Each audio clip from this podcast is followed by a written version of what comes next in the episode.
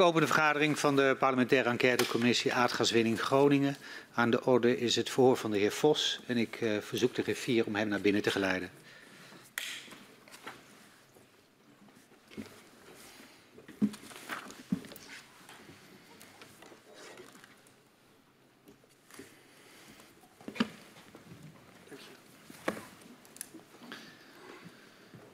Welkom, meneer Vos, bij de parlementaire enquêtecommissie aardgaswinning Groningen.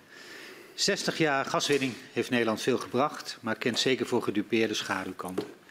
De commissie onderzoekt hoe deze schaduwkanten hebben geleid tot het besluit om de aardgaswinning in Groningen te stoppen. We willen weten hoe de besluitvorming op cruciale momenten is verlopen. Hoe private en publieke partijen hebben samengewerkt bij de gaswinning. We onderzoeken de aardbevingen en de ontwikkeling van kennis daarover. De afhandeling van schade veroorzaakt door de bevingen en het proces van het versterken van gebouwen in Groningen. U, meneer Vos, was uh, Tweede Kamerlid voor de Partij van de Arbeid, ook in de periode van Huizingen en uh, de nasleep daarvan. Uh, u wordt gehoord als getuige. u heeft ervoor gekozen om de belofte af te leggen en daarmee de waarheid en niets dan de waarheid te zullen zeggen. En ik verzoek u daarom om even te gaan staan en mij na te zeggen, dat beloof ik. Dat beloof ik.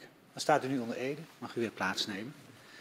Het verhoor met u zal worden afgenomen door mevrouw Kat en uh, mijzelf. En uh, mogelijk dat uh, mevrouw Kuik ook nog enkele vragen stelt aan het einde van het verhoor. Dat is helder? Dan gaan we beginnen. Meneer Vos, van september 2012 tot maart 2017 was u lid van de Tweede Kamer namens de Partij van de Arbeid. En tijdens uw Kamerlidmaatschap was u woordvoerder op het dossier van de Groningse gaswinning. In deze periode stond de veiligheid van de Groningse gaswinning nadrukkelijk op de politieke agenda.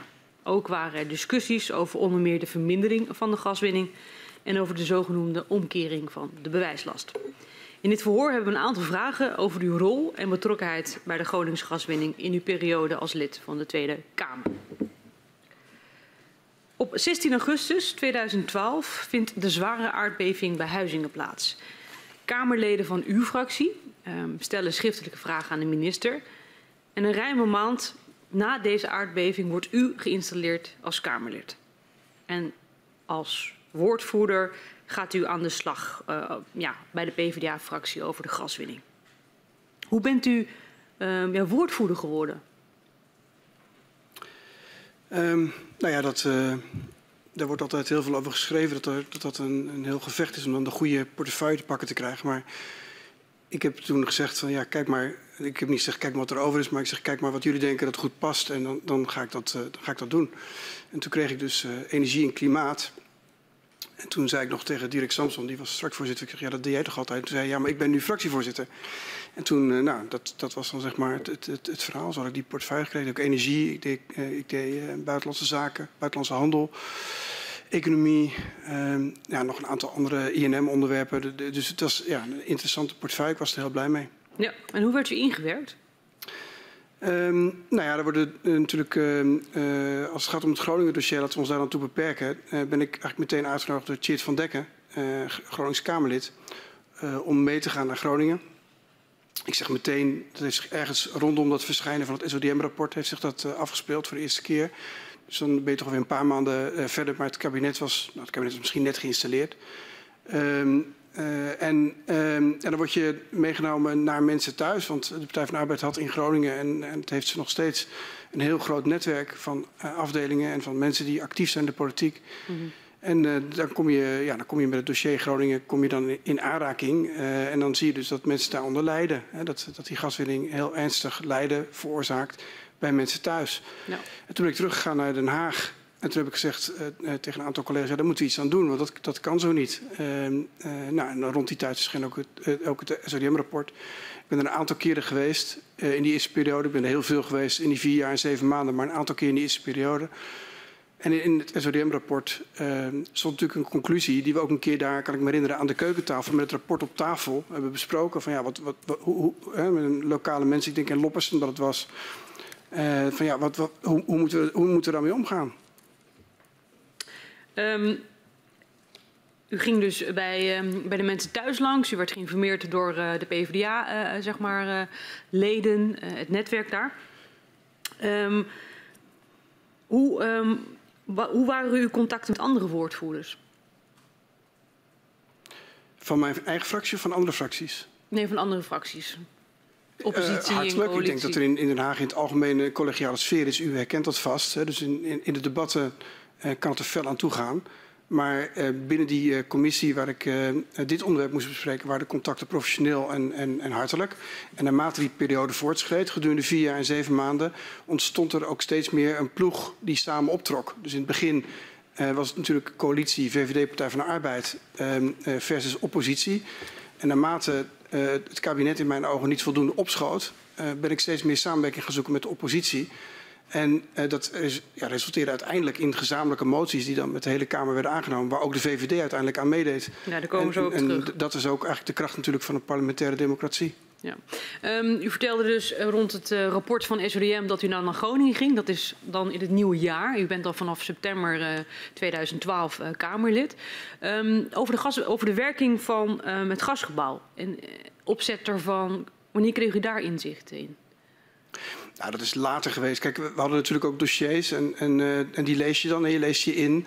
Maar dat gasgebouw was best wel ingewikkeld. Alleen tegelijkertijd hoeft je hoeft ook geen genie te zijn in de werking van de, het college van gedelegeerden enzovoort, enzovoort, enzovoort. Om te begrijpen dat dat gasgebouw, dat daar natuurlijk vooral mensen in zitten die geld willen verdienen aan dat gas. En dan heb je het kabinet. Het kabinet maakt een wat bredere afweging, waarbij natuurlijk de inkomsten voor de begroting belangrijk zijn. En dat is ook gebleken uit te verhoren. En dan heb je de Kamer, en dat zijn volksvertegenwoordigers, en dat was ik. En wij komen op voor de belangen van de burgers. Uh, en ja, in dat, binnen dat spectrum speelde het zich af. Ja. Um, naast de, de, bij de mensen thuis langsgaan en dat netwerk opzoeken, wat deed u als Kamerlid dan nog meer na die aardbeving in Huizingen? Nou, ik heb um, een aantal uh, experts uitgenodigd. Uh, we hebben natuurlijk met de inspecteur-generaal gesproken. die hebben we uitgenodigd in de Kamer om toelichting te geven op het rapport. Want hij had, zoals u ook al eerder heeft gezegd, zo snel mogelijk en zoveel mogelijk, uh, zoveel als mogelijk en realistisch is, had hij geadviseerd hè, over terug, terugwinnen van de gas, gaswinning. En een van de belangrijke vragen die ik had, ja, wat is nou realistisch? Wat is zo snel mogelijk? Wilt u dat ik morgen uh, uh, vraag aan de minister om de kraan dicht te draaien? Of zegt u nee, dat is een, een politieke afweging, een, een politiek-maatschappelijke afweging. En wilt u, wilt u daar, en, en, en, die afweging moet u maken en, en binnen, binnen dat kader van die afweging moet u dat besluit nemen. Ja. Maar dit is allemaal na het rapport van SODM. Ja. En in die tussen, tussenliggende periode tussen uw installatie en dat rapport van SODM, wat heeft u toen ondernomen? Nou, ik, anders, dan, anders dan dat ik, dat ik die rapporten uh, heb gelezen die, die, die, er toen, die er toen ook al lagen. Um, en dat ik ja, met name met, met, met Tjeerd van Dekken en ook later met Henk Nijboer bij mensen thuis ben geweest, heb ik geen actie ondernomen. Er zijn geen moties van mijn hand verschenen in die tijd of kamerdebatten aangevraagd. Ik geloof ook niet dat ik kamervragen nog heb gesteld. We waren in afwachting van het rapport van SODM. En uh, we begrepen wel dat dat rapport uh, dat dat een belangrijk rapport zou zijn. En toen dat verschenen was, ja, toen hebben we eigenlijk terstond actie ondernomen. Oké, okay, dank u. Dan ga ik even door op uh, het moment waarop dan ja, het advies van het staatstoezicht op termijn bekend wordt. dat is dan in januari. U gaf ook al aan wat de conclusie was. of het advies om zo snel en zoveel als mogelijk en realistisch is de gaswinning terug te dringen. Uh, toch besluit de minister om dat niet te doen, uh, maar om uh, een groot aantal onderzoeken uit te zetten. En de Tweede Kamer spreekt vervolgens in februari 2013 voor het eerst over de aardbeving bij Huizingen in een debat. Wat vond u van het besluit van minister Kamp om uh, eerst verder onderzoek te doen tegen het advies van de toezichthouder in? Ik heb uh, bij, bij, de voorbereiding op dit verhoor heb ik natuurlijk nog eens een keer teruggezocht. En toen kwam ik een artikel tegen wat ik in de Volkskrant heb gepubliceerd op 7 februari. En dat is uh, nou, krap twee weken na het verschijnen van het advies van de inspecteur-generaal. Mm -hmm. En in dat, in dat artikel schrijf ik um, dat het einde van de, van de gaswinning nu in zicht lijkt. Hè? Dus als gevolg van het advies. Dus eigenlijk helemaal al voorsorterend op die eindconclusie uh, die Wiebes in de tijd heeft uh, getrokken. En ik denk dat het voor ons allemaal, mede ook omdat we daar waren geweest bij die mensen thuis, dat het duidelijk was. Dit, dit kan niet doorgaan. Hè? Dus ja. Niet dat we meteen al dachten het gaat naar nul, maar je zag wel dat die periode die kwam ten einde. En um, ik heb toen ook geschreven in hetzelfde artikel dat minister Kamp het advies naast zich neerlegt. Dus ik perspieer dat exact zoals dat u het nu doet. Ja. En ik heb geschreven dat de minister daarvoor goede argumenten zal hebben. Ja. uh, zal moeten, zou, zou moeten hebben. Omdat Stadstoezicht uh, nu precies de instantie is die verantwoordelijk is voor het veilig gaswinnen. Zoals mevrouw Van Tongeren ook aangaf zojuist, is als je met delfstoffen aan de gang gaat, met fossiele brandstoffen, krijg je, heb je problemen. Dus toen we begonnen met de gaswinning, hebben we al bedacht dat daar voor een toezichthouder moest zijn. En dat is SODM. Ja. Nou, en als SODM adviseert, uh, zo kan het niet meer, dan moet je dus iets gaan doen. Dat minister Kamp vervolgens zei, ja, wat is nou realistisch? Wat is zo snel mogelijk? Wat gebeurt er als ik aan die kraan ga draaien? Dat vond ik niet onredelijk. Die argumenten die hij daarvoor had, vond ik niet onredelijk. Omdat er ook werd gezegd, ook door SODM, luister eens, als je die gaswinning terugbrengt en je brengt hem te veel terug en je laat hem daarna weer oplopen, dan zou je wel eens een keer meer bevingen kunnen induceren dan dat eigenlijk uh, gewenst uh, zou zijn en dat je ook zou hebben als je gewoon vlak blijft winnen op een iets hoger niveau. Dat ja. argument is heel lang, is dat naar voren blijven komen in de rapporten. Dus ik vond het begrijpelijk dat het goed onderzocht werd. Maar er waren wel kanttekeningen die mijn fractie heeft geplaatst, ook in de Kamer en ook in de vorm van moties. We hebben gezegd, luister eens, dat moet onafhankelijk. De NAM uh, mag niet, de slager mag niet zijn eigen vlees keuren. Dus er moet een onafhankelijk uh, college boven komen. Want dat was in het begin niet het geval. Het moet sneller. Um, uh, dus, hè, dus de minister Kamp wilde een jaar nemen. Maar ja. SODM had geadviseerd, moet binnen een jaar, uh, moet, uh, u, moet, ja. u moet wel binnen, dus het was niet morgen, maar het was ook niet over een jaar. Dus ik heb gezegd, nou laten we afspreken oktober. Nou, dat is natuurlijk niet gebeurd, maar uh, in retrospectief, maar dat is wel iets waar, waar, we om hebben gevraagd. En zo hebben we zoveel mogelijk die onderzoeken proberen uh, in Kom er zo nog even op. Maar even nog even, werd u nou van tevoren gewaarschuwd dat dit besluit eraan kwam? Of was dit voor u uh, pas nieuw, ja, nieuws toen uh, de Kamer werd geïnformeerd over het besluit? Nee, de, ja, u heeft hier ook kennis gemaakt met, uh, met Henk Kamp, de, met, met de minister van Economische Zaken. Um, ik, hij, had, hij, heeft en, en had een, een, denk een vrij traditionele opvatting van hoe parlementaire democratie werkt. En, en ik had eigenlijk diezelfde opvatting. Ja. Dat je als Kamer controleert het kabinet. Dus de minister neemt de besluiten. Een, ja. een winningsbesluit is een besluit van het kabinet. Dat is niet iets wat je in de Kamer vaststelt bij motie. En de Kamer controleert het kabinet. Ja. He, dus uh, uh, het is toch wel min of meer gebruik geworden in de afgelopen decennia dat, dat de Kamer een soort van meeregeert. Maar we hadden toch alle twee net iets anders, uh, uh, dachten we daarover. We een traditionele... traditionele dus u heeft van de minister niet vooraf een signaal gekregen, ik ga nee. dit besluit nemen? Nee, maar ik had dat ook... Ik denk niet dat dat in die hele periode ja. één keer is voorgekomen. Um, uh, en ik, ik had het ook niet op prijs gesteld, want ik ja. vond... Dus ik begrijp heel goed als je in een vijfpartijencoalitie opereert dat het soms anders gaat. Ja. Maar het was een tweepartijcoalitie, Partij van de Arbeid en VVD. Ja. En ik vond dat ik de Partij van, als Partij van de Arbeidsvertegenwoordiger dat ik het kabinet moest kunnen controleren. Dus als er een overleg, natuurlijk werd er overlegd, maar ik probeerde dat altijd te vermijden dat het besluitvormend was. Dus het uitwisselen van informatie, prima, maar besluitvormend, nou, liever niet. Natuurlijk kwam het wel eens voor dat we dat gewoon iets helemaal afkaarten. Dat komt in iedere coalitie voor. Maar daar waar mogelijk probeer ik het maar te vermijden. Maar specifiek op dit punt, hè? want we hebben... Nee, jong... ik heb dat niet, nee. nee en en de, heer de Jong heeft hier uh, in zijn verhoor aangegeven dat hij, uh, voordat zijn advies publiek werd, hij ook bij de minister is geweest. Ja. Die zei, dit is groot bier. Maar die zou ook gezegd hebben, ik moet dit met de top van de coalitie overleggen. Uh, is u via uw fractievoorzitter uh, bijvoorbeeld uit het coalitieoverleg... Een be, uh, ja, heeft u informatie gekregen dat dit het besluit eraan kwam? Nee, maar ik, ik, ik, kan me herinneren uit het voor van de heer Kamp dat hij verbaasd was over die woorden. Ja. En ik was ook wel een beetje verbaasd, want ik heb 122 debatten met hem gehad. En, en zo'n debat duurt 7, 8 uur gemiddeld. Ja. En woorden als groot bier en, en coalitietop dat past niet heel erg bij, bij, bij Henk Kamp. Dus okay. ik, ik vond het, als ik heel eerlijk ben, dacht ik ook van nou, is dat nou... Dus ik heb de inspecteur gewoon altijd heel erg serieus u, u genomen. Heeft, maar ik, mijn dit... vraag is, is, heeft u uh, van uw fractievoorzitter vooraf uh, melding gekregen, dit besluit komt eraan en daarop zegt u nee? Nee. Precies. Um, um, Welke afstemming vond er op dat moment plaats met uw coalitiegenoot, de, de VVD-fractie en, en, haar woordvoerder, op het moment dat dit besluit publiek werd? Um, nou, ik heb uh, uh, na afloop van het eerste debat een motie ingediend met, met de VVD.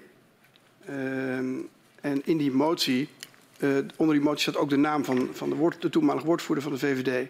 En die motie die spitst zich toe op het nemen van voorzorgsmaatregelen om die winning uh, zo snel mogelijk te kunnen reduceren als, het, uh, als de benodigde informatie daarvoor aanwezig was. Dus toen ook al ging het over de, de, de stikstofinstallaties, hè, dus de, het, het, bouwen van uh, stikstofinstallaties om het laagkalorisch gas om te zetten in, in hoogkalorisch gas. Het ging over juridische maatregelen. Ik heb bijvoorbeeld gewezen op de force majeure clausules in de exportcontracten. Of dat we daarnaar kon worden gekeken, mm -hmm. zodat we die zouden kunnen inroepen als het nodig was. Um, dus ja, ik zei. Maar dat waren onderwerpen die ook in die onderzoeken die werden uitgezet uh, onderzocht zouden worden, toch? Ja, maar mij ging het erom dat dan niet volgens die onderzoek naar de Kamer zouden komen. En dat dan de minister zegt, ja, ik geloof dat we iets moeten doen met stikstof. En dan gaan we eens naar kijken hoe dat, dat moet. Ja. Dus ik zei, ga, ga, nu anticiperen op wat er straks naar de Kamer ja. komt. Want die winning gaat omlaag. Ja. En zorg ervoor dat als, dat als we zover zijn, dat dan uh, u zo snel mogelijk die kraan dicht kunt doen. Dat dat, dat, dat meteen gebeurt. Nou, daar is ook natuurlijk niks van terechtgekomen. Dus, dus, en hoe, hoe, vond u op dat moment in de tijd, hè, dat is dan uh, januari, februari 2013... Uh, hoe was toen uw informatiepositie als Kamerlid over dit onderwerp? Nou, um, ja, mij viel wel op in de verhoor dat dus die 27 miljard uh, kuub die bij Gasterre was berekend, uh, al dan niet op een heel serieuze wijze, waar u ook natuurlijk op geattendeerd bent, dat was natuurlijk niet iets wat wij wisten in de Kamer. En de, de, de debatten gingen er heel vaak over.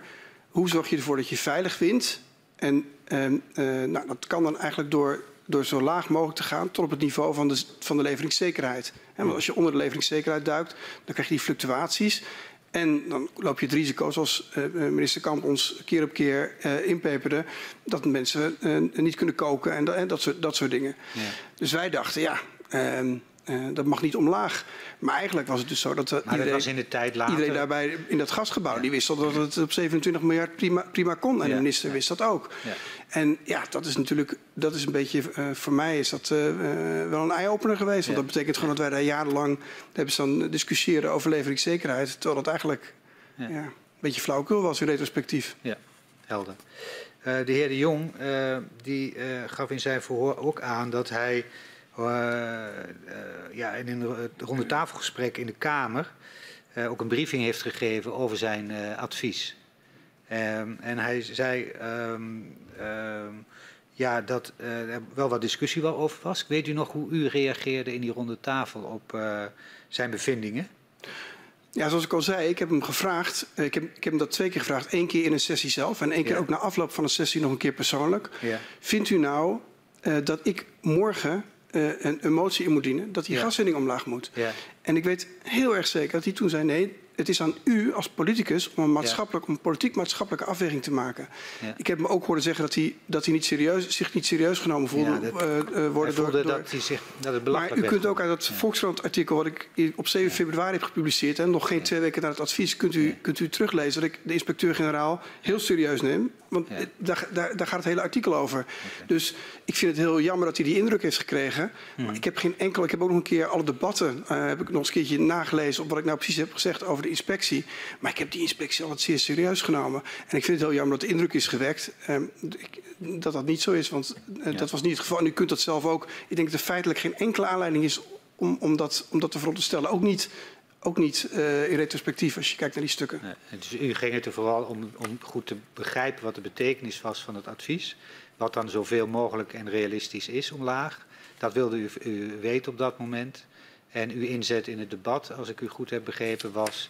ik wil zorgen dat het tempo blijft, dat er ook uh, ja, proactief al onderzoek wordt gedaan... zodat er, als er een besluit komt, er snel gehandeld wordt. Is dat wat u insteek was? Uh, uh, het eerste deel van de vraag ja. Het tweede deel, in het debat hebben we ook naar voren gebracht... dat de NAM op afstand moest worden geplaatst als het ging om, om de schadeafhandeling. dus dat, dit is dus twee weken na het eerste advies van SODM... Hmm. En uh, wat ik heb geschreven, tevens vinden wij dat de klachten van de bewoners ten aanzien van de wijze waarop de NAM de schadeafhandeling verwerkt, serieus moet worden genomen. Deze afhandeling dient op afstand van de NAM te worden geplaatst. Dit is begin 2013. Ja. Onverminderd de wettelijke aansprakelijkheid van de NAM. Ja. En in het allerlaatste debat heb ik opnieuw een motie ingediend, Kamerbreed aangenomen, inclusief de VVD, met exact dezelfde formulering. Ja. En al die tijd is dat niet afdoende gebeurd. Dus daar is een bestuurlijke spaghetti ontstaan, die zeer ten nadele is gekomen ja. van de bewoners van Groningen, die schade hadden. Ja. Onnodig in mijn ogen. Dat, Want het, het, het, dat blijkt gewoon uit, uit, uit de stukken uit die tijd. Ja, en dat, dan, heeft, dan heeft u het over een periode van 4,5 jaar tussen zeg maar... Vier jaar en zeven maanden. Ja. ja, helder.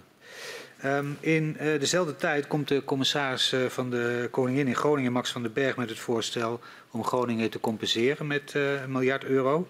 In een, opico, sorry, in een opinieartikel noemt u dit niet verstandig. U schrijft, in het wilde weg bedragen roepen doet geen recht aan de ernstige situatie waar we gezamenlijk besluiten over zullen moeten nemen. Waarom vond u dat compensatie geen recht deed aan, aan de situatie ja. met zo'n bedrag? Ik heb dat wat te veel uh, ad hominem in de tijd uh, gedaan. Uh, en ik had dat ook anders moeten verwoorden. waar het mij om ging is dat ehm, de heer Van den Berg vooral gericht was op, die, op dat geld voor de provincie Groningen. Het miljard van Max ja. werd dat genoemd. En hij heeft ook in het verhoor hier, dat heb ik afgekeken, heeft, nou, ik denk dat het anderhalf uur ging over hoe dat, dat geld naar Groningen ging. Ja. Maar waar het mij om ging, en dat blijkt ook uit die documentatie, is dat ik wilde dat die gaswinning omlaag ging. En zo snel als enigszins mogelijk. En ik vond het afleiden, die discussie over geld. Ik vond dat, dat gepraat over geld naar het gebied, sociaal perspectief, dat vond ik afleiden. Dat is niet helemaal goed geweest voor mij, want ik heb niet erkend dat dat dat belangrijk was voor de lokale bestuurders. Mm -hmm. Ik zeg nog niet eens voor de lokale bevolking. Jacques Wallager gaf aan in zijn verhoor. Hij zei, ja, dan konden we uh, het, het, dorpshuis schilderen en zo. Hè? Ja. Zo'n zo soort formulering. En dat is natuurlijk, ik begrijp heel goed dat dat belangrijk is. Maar ik, ik vond dat niet de kern. De kern was de veiligheid ja. van de mensen in Groningen. En het feit dat die gaswinning die veiligheid in gevaar bracht. En daar moest iets aan gedaan worden. En afkopen met kraaltjes en spiegels. Want dat is wat er dan gebeurd werd. Ja. Nou, ik denk dat, dat ze dat bij de, bij de NAM, uh, of nou niet misschien bij de NAM, laten we zeggen in het gasgebouw. Dat daar best wel mensen waren die daar blij mee waren. Ja. Ik denk dat er best wel mensen die daarop gestuurd hebben. Ja. We geven wat geld en dan kunnen we weer lekker, lekker doorgaan met winnen. Als je die winning, die 12 miljard per jaar, afzet per jaar, hè, dus over een periode van vier jaar, nou, je kunt het zelf ook uh, uh, uitrekenen, 48 miljard euro, en dan geef je 1 miljard aan de Groningers. Nou, wat hebben ze daar nu aan? Dat, is natuurlijk, dat gaat helemaal nergens over. Het gaat erom dat die gaswinning omlaag gaat, zodat die veiligheid niet meer in het geding komt. Helder, zo zat u daar destijds in. En u gaf al even aan, uh, de bestuurders keken daar anders naar. Hoe, wat voor reactie kreeg u vanuit uh, het Groningse en ook van uw partijgenoten die daar bestuurders waren? Nou ja, ik was, ik was nieuw, dus ik moest er een beetje. Uh, ik, niet nieuw in de Partij van de Arbeid, liep ik al sinds 1997 rond en daarvoor bij GroenLinks. Zoals iedere PvdA tegenwoordig. Maar het, uh, het was wel zo dat ik moest wennen aan de bestuurscultuur van de Groningse, ja, van de Groningse PvdA's. Dat, ik was een jongen uit de Randstad. Um, maar, zoals ik al zei, uh, ja, Tjeerd van Dekker, die mij meenam, die ik al heel lang kende, die wist mij razendsnel uh, om te tonen tot een enthousiaste pleitbezorger voor de Groningen zaak. Mm -hmm. En dat heb ik ook gedaan. En daarna is ook die verhouding met, met, met die mensen daar is wel, is wel heel sterk uh, verbeterd. Maar ik had, zoals ik al zei, in het begin weinig affiniteit met dat meer ja, dat, dat, dat gelobby van Groningse bestuurders voor geld. Je hoort nog steeds een beetje mee van dat, dat gelobby. Daar zit nog steeds een zeker dédain. Dat heb, ik, ik, ik vond dat ze zich moesten focussen op die, op die veiligheid en de terugwinning van de gas, gaswinning. En dat bleek ook uit uw verhoren. Dat, daar waren de herinneringen van, van, van de toenmalige commissaris van de Koning veel minder scherp.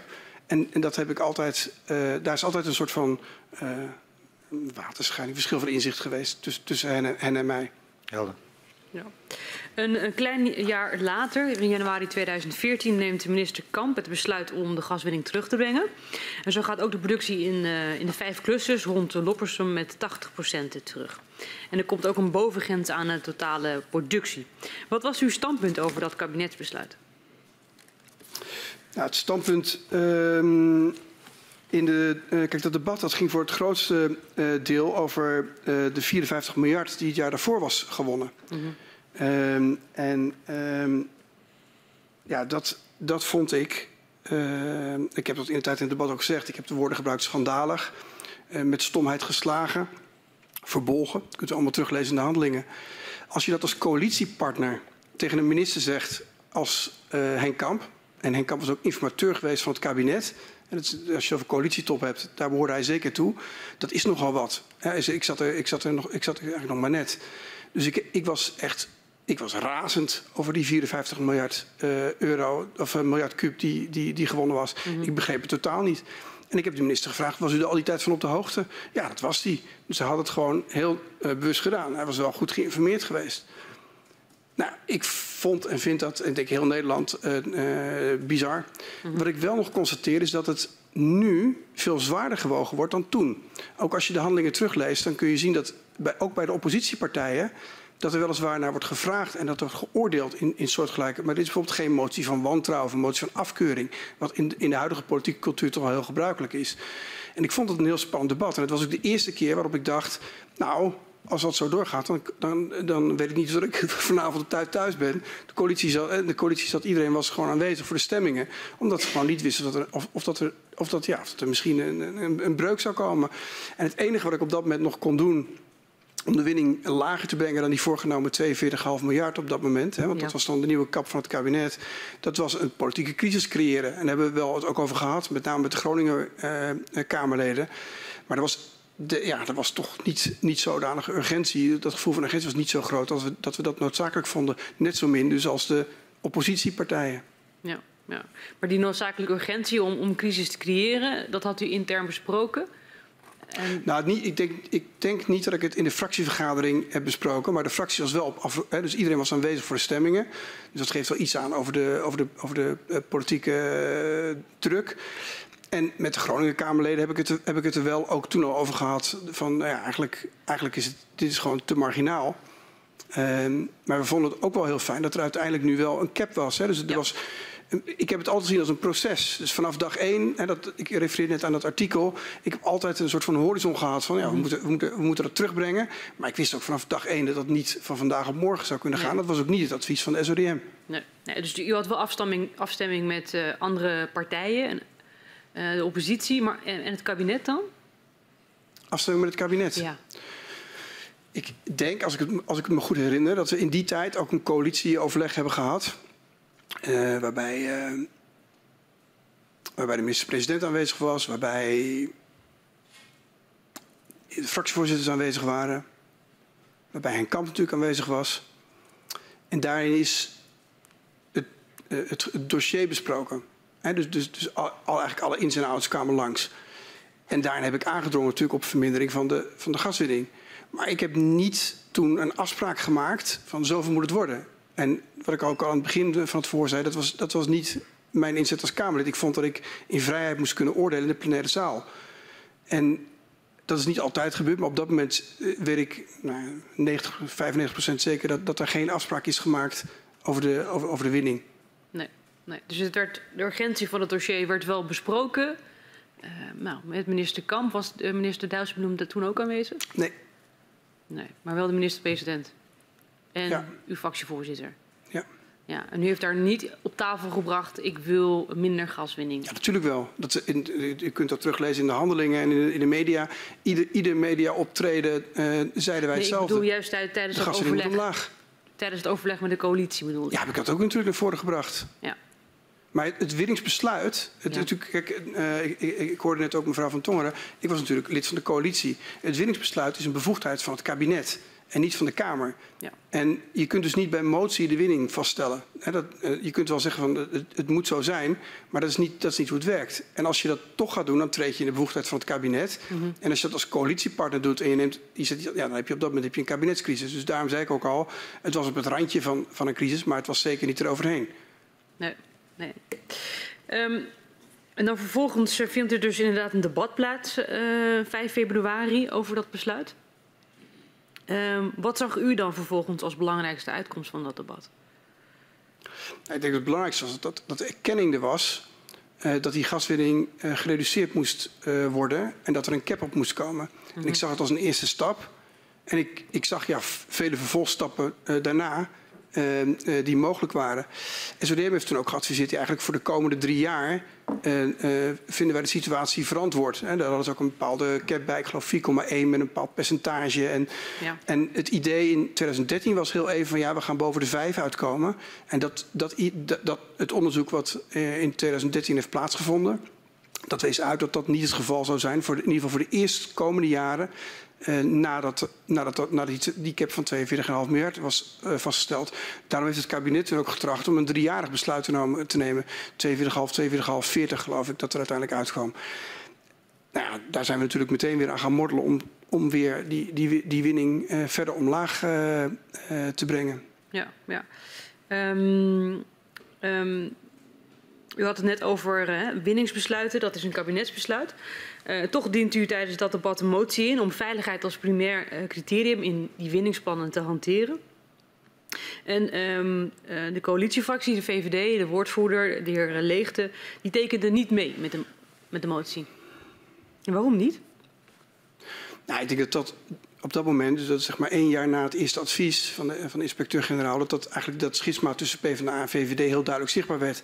Wij waren natuurlijk, omdat wij heel sterk in Groningen vertegenwoordigd waren, waren wij laaiend over wat er niet gebeurde eigenlijk. Namelijk het omlaag brengen van die winning. En de VVD, ja, u spreekt dadelijk met de heer Leegte zelf, dan kunt u hem nog een keertje vragen. Maar die zat natuurlijk meer op de lijn van doorpompen, hè, om het zo maar even te zeggen. Dus dat, dat was een, uh, een, een, een, ja, heb ik het over de fracties hè, in de Kamer. Dus dat, dat, dat, was, dat was een tegenstelling. Mm -hmm. En we wisten dat dus tot op dat moment bij elkaar te houden.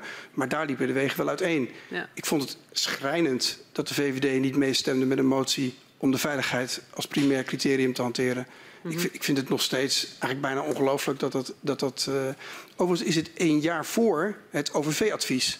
Waarin werd gezegd de veiligheid heeft nooit voorop gestaan. Nee. Uh, en het is één jaar na het eerste advies van de inspecteur-generaal. Ja. ja. u zegt, um, um, ze hebben inderdaad niet mede ondertekend uw motie, maar vervolgens hebben ze wel voorgestemd. Ja, misschien eieren voor hun geld gekozen. Hè. Dus, dus, oh, en misschien ook wel leegte die dan in de fractie terug, eh, de toenmalige woordvoerder van de VVD, die in de fractie is teruggeroepen. Want het, het kan natuurlijk niet. Dat iedereen zegt dat het moet veilig. En dan zegt de VVD, ja, het moet niet veilig. Ja, dat kan, ja. Dat, dat, en dat is ook de eerste keer dat we een vet accompli creëerden als, als mm -hmm. oppositie en Partij van de Arbeid samen. Mm -hmm. Waarbij de VVD voor het blok werd, werd, gezet. Wat natuurlijk een heel gevaarlijk spelletje is, politiek gezien. Want voordat je het weet, ligt de coalitie in duigen. Dus ja. het werd me ook niet altijd in dank afgenomen natuurlijk bij de VVD dat dat, dat op die manier ging. Um, um, ik vroeg u net um, over het coalitieoverleg. Hè, of de heer uh, de minister Dijsselbloem daarbij aanwezig was. Dat was dus niet zo. in zijn voor heeft hij verklaard dat hij... Uh, voor de gasproductie voor 42,5 miljard kubieke meter was. In plaats van 40 waar minister Kamp voor, voor pleitte. Was u daarvan op de hoogte op dat moment? Nee. U wist niet dat minister Dijsselbloem dat wilde? Ik heb dat e-mailtje nooit gezien en ik heb ook niet met hem op die manier erover gesproken. Het verbaast me niet, want eh, zoals u ook in de Kamerbrief kunt teruglezen, hebben financieel-economische argumenten een belangrijke rol gespeeld bij, de, bij het afwegingskader van het kabinet. En er wordt gewoon per miljard kuub wordt voorgerekend hoeveel dat betekent, wat dat betekent voor de Rijksbegroting. Dus je kon daar heel duidelijk de hand van financiën in zien. En ik ken uh, minister Dijsselbloem ook als iemand die goed op de centjes let. Dus dat hij op die manier naar keek, dat, dat, dat, dat verbaast me niet. Nee, maar was er niet van op de hoogte op dat moment? Nee, nee. nee dus in Nederland eh, wordt er ook met eenheid van, van, uh, van bestuur gewerkt. En dat is ook de reden dat ik graag afstand wilde houden van het kabinet. Omdat je als Kamerlid dan onafhankelijk kunt oordelen. Ja. En want nu hoefde ik niet te zeggen... Anders dan zou het worden van ja, maar zou, dan zou Henk Kamp tegen ja, maar Jeroen Dijsselbloem die wil dit en, en, en dan krijg je dat gedoe. En ik wilde gewoon één kabinet hebben wat ik aan kon spreken als Kamer. Ja, duidelijk. Vanuit de meerdere oppositiepartijen... Sorry, als Kamerlid. Ja, goed, dank u daarvoor. Um, vanuit meerdere oppositiepartijen komt dan de oproep om de gaswinning sneller te verminderen. Um, welke reden had u vervolgens om, ja, om snellere afbouw niet uh, te steunen? Nou, de adviezen die er lagen van, uh, van, van SODM en van, en van GTS en, en, en anderen. Uh, er lagen 14 rapporten, u, u, kent ook al die rapporten inmiddels. Ja. Um, ja, uit geen van die rapporten bleek mij de noodzaak om sneller het, uh, terug te gaan dan dat op dat moment besloten was door het kabinet. Als u het mij, als u het mij had laten beslissen, dan had ik een, een, een snellere reductie uh, voorgestaan. Maar zoals Jeroen Dijsselbloem ook terecht zei, het EMU-saldo, zaten al ver over de 3% heen. En het ging, op dat moment um, kwam er een extra pakket aan van 6 miljard aan bezuinigingen. En in de fractie van de Partij van de Arbeid heb ik maar daar zeer hard tegen teweergesteld tegen die bezuinigingen. Ik vond dat verschrikkelijk, omdat je eigenlijk op dat moment begon de economie, de, de reële economie, die begon zich alweer te herstellen. En op dat moment hebben wij nog een keer een pakket van 6 miljard over die economie uitgestort. Wat heel veel, met name uh, psychologisch, uh, uh, economie is ook psychologie, wat heel veel schade heeft toegebracht. En je zag de faillissementen in de maanden daarna ook oplopen. Hè? Dus, dus de, de bedrijfsfaillissementen. En ik was altijd ondernemer geweest voordat ik in de Kamer kwam. Dus ik wist dat zo'n recessie, dat die zich niet, een, een politieke recessie speelt zich op een ander moment, moment af als een bedrijfseconomische uh, recessie. Hè? Dat, de Keynes, anticyclisch, ja. u, u, kent dat allemaal. En ik vond, dat, ik vond het niet goed dat we die bezuiniging op dat moment doorvoerden. En ook niet noodzakelijk. Um, maar, en, en in dat licht begreep ik ook wel dat dat gasbesluit afgewogen moest worden in dat hele kader van, van, van, van de financiële situatie waar Nederland op dat moment Ja. verkeerde. Ja. Dus ik, ik begrijp de positie van, van Jeroen Dijsselbloem heel goed. Ja, maar, Maar dat wij dat vervolgens vertaald kregen in de Kamer als de leveringszekerheid moet gewaarborgd worden. We mogen me- moeten mensen laten koken. Dat is in retrospectief. Dat, dat vind ik eigenlijk echt iets waar het kabinet een scheve schaats heeft gereden. Want ze hadden gewoon moeten zeggen, luister eens, we willen graag eh, eh, de staatsfinanciën op orde hebben. En dan kun je daarover debatteren met elkaar, open. Maar nu ging het over iets anders. Nee, maar, en maar als ik dan vraag van hoe woog u dan die verschillende belangen? Want u verklaart net, eh, het ging om financiën. Ja. Ehm, welke belangen had u dan voor ogen bij die afweging? Nou, ik, ik was zeker ook iemand die, die de financieel-economische situatie in oogschouw nam. Want als je eh, eh, 2 of 3 miljard euro minder kunt uitgeven, dan betekent dat, nou, eh, laten we zeggen, dan, eh, dan laten we minder ambulances rijden in Nederland. Dan komen er dus meer, gaan meer mensen gaan, gaan, eh, komen eerder eh, te overlijden. Of doen minder aan seksuele voorlichting op eh, scholen, waardoor eh, eh, meisjes en, en, en jongens eh, op, op eh, eh, Ja. dat er meer ongewenste zwangerschappen komen. Zeg het maar. Maar het geld moet wel ergens vandaan komen. En in die zin vond ik, eh, vond ik het geen. Ja, natuurlijk, het gaat ook om de centjes. De Rijksbegroting is geen fictie, dat is een realiteit. Ja. ja. Ehm, u, verklaarde al net al iets over die hoge winningen, 53,8 miljard kubieke meter. Ehm, u was laaiend toen, u dat, toen u dat hoorde. Wanneer hoorde u dat eh, en welke informatie kreeg u toen? Ja, ik heb dat teruggezocht. Eh, ehm, eh, de eerste informatie die ik kan vinden is in het debat zelf, dat de minister het gewoon vertelt. En daarna zie je ook alle partijen naar de oppositiemicrofoon eh, lopen om daarover de, de minister aan de tand te voelen. Ehm, en ik hoorde ook in eerder woorden, heb ik ook geluisterd dat u misschien een ander moment had waarop dat naar buiten was gebracht. Ik heb het ook nog even gevraagd bij de, bij de Griffie en bij de, eh, bij de, de, de inf- in- dienst informatievoorziening. Maar ehm, dat is het eerste moment waarop ik het, waarop ik het terug kan vinden eh, in, de, in de stukken. Dus ik heb dat niet eerder geweten dan tijdens het debat. Nee, nee, nee. Niet eerder geweten dan tijdens het debat. En ehm, er stond natuurlijk ook in die, ehm, in die begrotingssystematiek van, eh, van de voorjaarsnota en die najaarsnota het ook het een en ander in over die hogere winning. In ieder geval niet de, hè, de, de bedragen, maar wel dat er sprake zou zijn van een hogere winning en daardoor dus die baten eh, positief weer uitvielen. Was u daarvan dan op de hoogte? Nee. Oké. Wat vond u van de argumenten die minister Kamp als verklaring gaf voor die hoge winning? Ja, dat klonk allemaal heel solide. Ehm, maar tegelijkertijd was het natuurlijk, eh, en dat is op dat moment ook al, en daarom heb ik ook die kwalificaties gebruikt, was het natuurlijk flauwekul. Want ja, als inspecteur-generaal zegt het moet omlaag en het gaat omhoog, ja, dan doe je het niet goed. En ik heb nogmaals, ik heb daar toen van gezegd schandalig. Ehm, eh, ik heb ervan gezegd dat ik verbolgen was. Ik heb gezegd dat ik met stomheid geslagen was. Ja, en dan het, ene, het enige stapje wat je dan nog extra kan zetten is een minister naar huis sturen. Nou, daar waren we niet toe bereid. Duidelijk. We gaan weer wat verder in de tijd. Eh, dan spreken we nu over januari 2015, de 16e van eh, die maand. Gaat u op werkbezoek naar Groningen met de Vaste Kamercommissie voor Economische Zaken. U maakt tijdens dat werkbezoek bekend dat de PvdA het kabinet zal vragen scenario's op te stellen voor verdere vermindering eh, van de gaswinning. En het NOS-journaal gaat er die avond ook op in en die maakt daar een item over. Waarom deed u op dat moment dit voorstel? druk verder opvoeren. Het was gewoon vier jaar lang heb ik, vier en een half jaar lang heb ik permanent geprobeerd om op alle mogelijke manieren druk op het kabinet op te voeren. En ik vond het heel interessant om te zien dat Jeroen Dijsselbloem ook zei tijdens zijn verhoor van ja, de Partij van de Arbeidsfractie wilde die gaswinning omlaag hebben. Dus we moesten wel. Hè. Dat was een beetje de, de, de teneur. Nou, u kunt ook aan Hein Kamp, ik heb niet heel erg kunnen aflezen dat hij nou met heel veel plezier die gaswinning omlaag bracht. Dus dat is vanuit de Kamer gekomen. En ook niet, overigens niet alleen vanuit de Partij van de Arbeid, natuurlijk vanuit alle oppositiepartijen en de Partij van de Arbeid. Kamerbreed werd dat zo ervaren. En was eh, dit afgestemd met eh, de VVD, de coalitiepartij, dat u, dat Nee, ik denk dat dat u in dit die tijd, in die tijd deed, deed ik de, de moeite niet meer, denk ik, heel uitgebreid om af te stemmen met de VVD.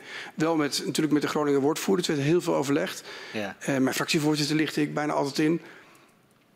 Maar ik denk dat ik dit gewoon deed. Dat is natuurlijk ook politiek. moet je zorgvuldig afstemmen. En je moet zorgen dat je met elkaar dat je vertrouwen hebt in de samenwerking met Ja. elkaar. Maar tegelijkertijd mag je ook af en toe best wel een beetje ehm, nou, de bal net iets verder Ja. schoppen dan dat Het eigenlijk een, had een gekund. beetje een verschil tussen de VVD-fractie en de woordvoerder van de VVD. Had de heer Leegte dit al wel van u gehoord, dat u dit ging Nou, dat doet u nu, maar ik heb dat niet eh, eerder gedaan, anders dan in het besluit. eh, het, het, het niet tekenen van de motie om de veiligheid voorop te Ja. eh, stellen, maar daar wel, wel mee mee te stemmen. Ehm, ik, ik heb de heer, met, met de heer Leegte heb ik ja, ik denk dat het ook wel terugblijkt als je de handelingen leest en de verslagen. Ik, ik, Ja. ik kon het niet heel erg met hem, eh, met hem, met hem vinden, politiek gezien. Het is een hele aardige man. Ik heb, eh, eh, ik heb heel Ja. veel leuke tijd met hem doorgebracht, maar niet in de Kamer. Ja. Maar u had wel met uw eigen fractievoorzitter afgestemd van ik ga op dit moment ga ik. Nou, dit- ik kan mij niet herinneren of dat ik dat specifiek met hem heb afgestemd. Maar er was een vertrouwensrelatie met de fractievoorzitter waarin ik ja, eh, eh, behoorlijk de vrije hand had om te opereren. En waarin ik ook wel wist wanneer ik iets wel of niet moest, brengen. ehm, ja, moest afstemmen. Ja, oké. Eh, iets later dat jaar, op 9 februari, eh, maakt het kabinet bekend dat de winning in het eerste helft van het jaar zal worden beperkt tot 16,5 eh, miljard kuub. Voor het totale jaar laat het kabinet dan nog open of het niveau van 39,4 miljard kuub of 33 miljard kuub eh, gas wordt gekozen. Eh, wat vond u van eh, dit kabinetsbesluit? Ja, daar zit, dat was volgens mij eerst eh, 42 en toen 39,8 of 0,6. En toen hebben we daar 33 plus 2 van gemaakt, opgeknipt in 16,5 en 16,5. Nou, Ja. u hoort het al. Ja. Dit is echt Haags compromiswerk waar, waar dan echt de schoonheid eh, eh, niet eh van afspat. Ja, wat is gebeurd is dat, ehm, is dat er een overleg is geweest waar ik niet bij ben geweest. waarbij de Partij van de Arbeid heel veel druk heeft gezet op, op, op dus de Partij van de Arbeid fractie. In, Ja. Bij monden van de fractievoorzitter. ja, Op het kabinet om ehm, die winning verder te verlagen ja. dan de voorgenomen 39,8 of, of Ja. twee- eh, 42,5. Ik ben even de, de precieze gang van zaken daar ben ik vergeten. En toen is het naar 33 plus 2 gegaan. En Henk Kamp wilde toen niet verder gaan dan toezeggen dat hij voor het eerste half jaar ze- eh, 16,5 zou winnen. Vervolgens hadden we een heel debat eh, waarin, eh, waarin hij dat ja, voet bij stuk hield. dat hij dat echt moest doen. Ehm, ja, en, en achteraf gezien, wetende dat het eigenlijk op 27 zou kunnen voor de leveringszekerheid, denk ik echt van ja, waar, zijn we, waar, waar is het kabinet op dat moment mee bezig geweest? En hij, Martijn van Dam was toen vice-fractievoorzitter, Diederik Samson zat in Brussel. Eh, en Martijn van Dam die, eh, nou, die, die, die, die heeft ook nog zich tegen, tegen aanbod. U kunt het terugzien op de beelden. En dan schudt, Henk Kamp zit dan nee te schudden. Ja. Ja. hemel en aarde bewogen, maar dit, dit, dit, was, het, eh, dit Ja. was het verhaal. En was En- dat nou, sorry, om goed, goed te begrijpen, hè? Ja. dat was een publiek debat en daarvoor was er een overleg, coalitieoverleg, waarbij leden van het kabinet aanwezig waren en de fractievoorzitters van VVD en PvdA, eh waaruit een, het compromis was gekomen, we knippen het op in tweeën. Ja, maar het dus een, ehm, eh, of wie er exact bij aanwezig was, dat weet ik niet. Want Nee. eh, Diederik Samson zat er als fractievoorzitter van de Partij van de Arbeid. Ja. Maar het was ehm nou, 42,5 en het werd 33 plus 2. Ja, En dat was omdat wij zeiden, ja, het, we gaan nu echt omlaag. Het is echt nu genoeg geweest. ja, Vervolgens ehm, werd dat besluit werd opgeknipt eh, door de VVD in 16,5. 16,5 dus eigenlijk wilde Henk Kamp de vrijheid om na een half jaar te zeggen... het is toch niet genoeg, het moet nog verder omhoog. oké. En, eh, En dat gebeurde hoe gaat, na, dat, en hoe gaat dat dan in, in die Ja, maar politiek? sorry, Ja? maar dat gebeurde dus na dat coalitieoverleg, dat opknippen van het voorstel. Nee, dat was al in het coalitieoverleg eh, besloten dat het op die manier zou gaan. En ehm, in, in, de, in het debat heb ik de minister toen gevraagd: kunt u dat op, op. Nou ja, er zat iets van ruimte in de formulering. We kunnen dat nog even nalezen in de handeling. Ik kan het opzoeken als u wilt. Ja. Maar er zat iets van ruimte in de formulering hoe dat je dat dan moest interpreteren. En, en wij hadden gezegd: het is ondenkbaar dat de winning daarna nog verder omhoog gaat. Ik heb ook gezegd: de kans is wel even groot als dat de Italianen straks geen pizza meer eten. En vervolgens eh, eh, kwam Henk Kamp aan het woord als minister en die zei: Ja, ik heb het al, ik parafraseer het even, ik heb het allemaal Ja. gehoord, maar ik wil toch echt de vrijheid om het nog omhoog te kunnen gooien. Nou ja, en daar was ik wel een beetje, een beetje boos over. Maar als ik, ik probeer het even goed samen te vatten. Ja. In het coalitieoverleg is eigenlijk al een compromis gesloten. Dat in plaats van eh 39,4 het 33 eh, plus 2 zou worden. Ja. Maar dat is niet eh, op die manier naar buiten gebracht. Ja. Want er is een splitsing gemaakt in, eh, in het eerste half jaar doen we eh 16,5. En in het tweede half jaar ja, kan, het, negen, eh, ja, kan, kan het nog variëren. Eh, en komen we mogelijk uit eh, op een bandbreedte tussen 33 miljard en 39,4 miljard. Mag ik het zo interpreteren? Nee, het was volgens mij zo dat wel degelijk ook in het... Ik ben er natuurlijk niet bij geweest. Nee. Daar vreet zich dat dan ook een beetje. Want dan Ja. komt die fractievoorzitter komt terug, die doet een briefing. En, Ja. en, en dat is Ja. het. En vervolgens, eh, het is allemaal druk, druk. En het gaat over wat u te horen kreeg. Ja, nou, en wat ik te horen kreeg is dat het omlaag was naar 33,2 en dat het in, zou opgesplitst worden in 16,5 en 16,5. Ja. En in het debat heb, kreeg ik toen te maken met een oppositie. En is iedere keer als je dan het kabinet dan iets... Wij als Partij van de Arbeid hadden met het kabinet een onderhandeling. En dan brachten we het omlaag, Ja. intern. En vervolgens ging je naar de Kamer en die wilden het natuurlijk nog een stap lager hebben. Ja. Dus dan stond ik daar te, iets te verdedigen. eh, terwijl Ja. we net eh, dat Ja. compromis hadden. Dat is een beetje politiek ook. Ja. Nou, Ehm, even om het voor het goede begrip, hè? Sorry, dit is toch belangrijk om goed te reconstrueren voor ons. Dus in, in essentie was er dan overeenstemming over, ja, we gaan eh, terug naar 33 plus 2, tenzij er, er tegenvallers zijn en we toch weer omhoog moeten, want dat had de VVD bedongen. Ja, en ik interpreteer het zoals u het nu parafraseert. En minister Kamp wilde in het debat heel duidelijk de vrijheid houden om, om verder omhoog te gaan. En hij formuleerde dat anders. Nogmaals, we kunnen de handelingen erbij pakken, dan kunnen we het exact terugzien. Ja. Maar er zat net een klein beetje licht in die, in die formulering, zoals dat vaak in de politiek gaat. Ja. En ik begreep wel dat hij die vrijheid wilde, want zo ken ik hem ook. Hè. Dus hij is ook een zeer conscientieus eh, eh, bestuurder die vindt dat hij op die manier zijn verantwoordelijkheid moet nemen. Ja. Maar ja, wij dachten er anders over. Ja. ja. Maar dat heeft u niet besle- kunnen beslechten in dat debat. Nee, dat heb ik verloren, dat, eh, Ja. dat pleit. Ja. Oh. Wel natuurlijk, dus even voor alle duidelijkheid, gewonnen dat we het van 42,5 of 39,8 naar, naar 33 plus 2 brachten. Maar vervolgens ook, en dat is ook een beetje de Ja. frustratie die u misschien door hoort klinken. Maar vervolgens naar buiten toe Ja. ga je dan eigenlijk af als een gieter. Want dan zit daar kamp nee te schudden. Terwijl de Partij van de Arbeid staat te bedelen voor het bankje om het toch nog even anders te doen. Ja. Ik zou ook zeggen, dat heb je niet handig aangepakt, politiek. Ja. Maar u, ja, u ervaarde het als een politieke nederlaag op dat Nee, ik ervaar het als iets wat we goed hebben gedaan, omdat we de gaswinning omlaag hebben gebracht. Maar de focus op dat daadwerkelijk omlaag brengen van de gaswinning was soms sterker dan de politieke presentatie van die feiten. Hè. Dus eh, eh, Ja, ik, dat is ook een leercurve voor mij als politicus. Ja. Ik was ondernemer en ik dacht altijd van ja, het is zoals het is en dan ga je er vervolgens iets mee doen. Ja. Maar als politicus moet je ook nog zorgen dat het een beetje leuk eruit ziet en dat er een strik omheen zit. En dat Ja. had ik niet altijd in de gaten in het begin. U deent ook nog een motie in in dat eh, debat om een winningsbesluit voor te bereiden dat uitgaat van het laagst mogelijke niveau gaswinning dat noodzakelijk is voor de leveringszekerheid en de veiligheid.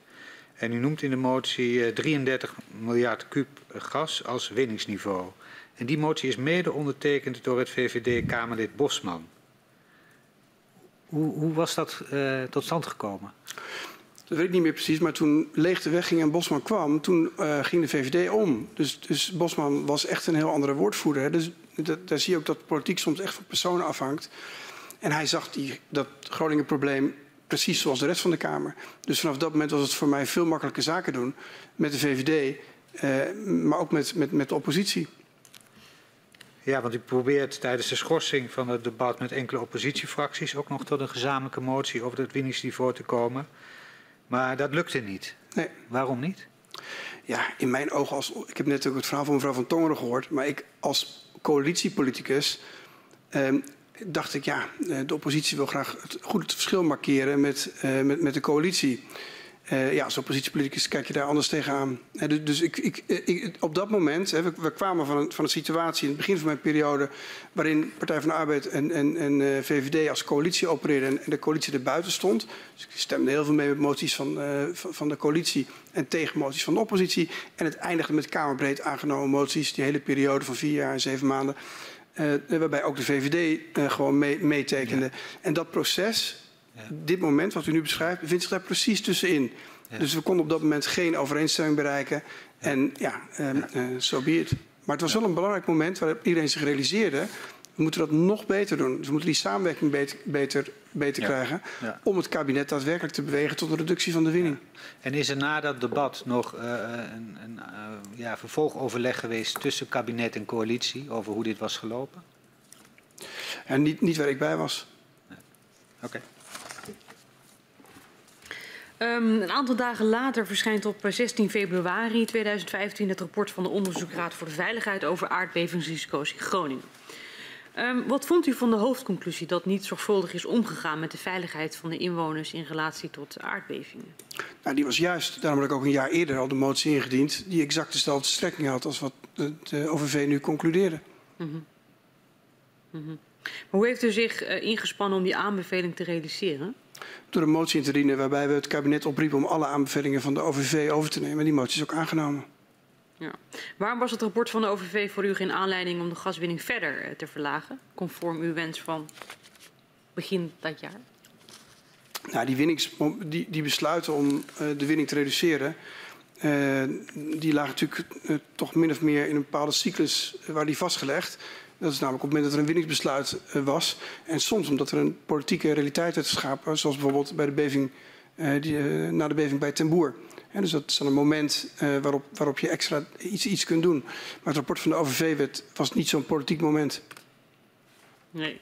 Dat vond u zelf of dat vonden andere partijen? Ik kan, me niet, ik, ik, ik kan me niet herinneren welke moties specifiek door de oppositie werden ingediend uh, bij het Kamerdebat. Maar ik kan me voorstellen dat er zeker ook winningsreductiemoties uh, tussen staan. Als oppositie heb je natuurlijk een vrijere rol. Ja. Um, wat was in 2015 uw standpunt over de positionering van het staatstoezicht op de mijnen? Ik heb samen met mevrouw Van Tongeren van GroenLinks een motie ingediend om het SODM verder op afstand te plaatsen.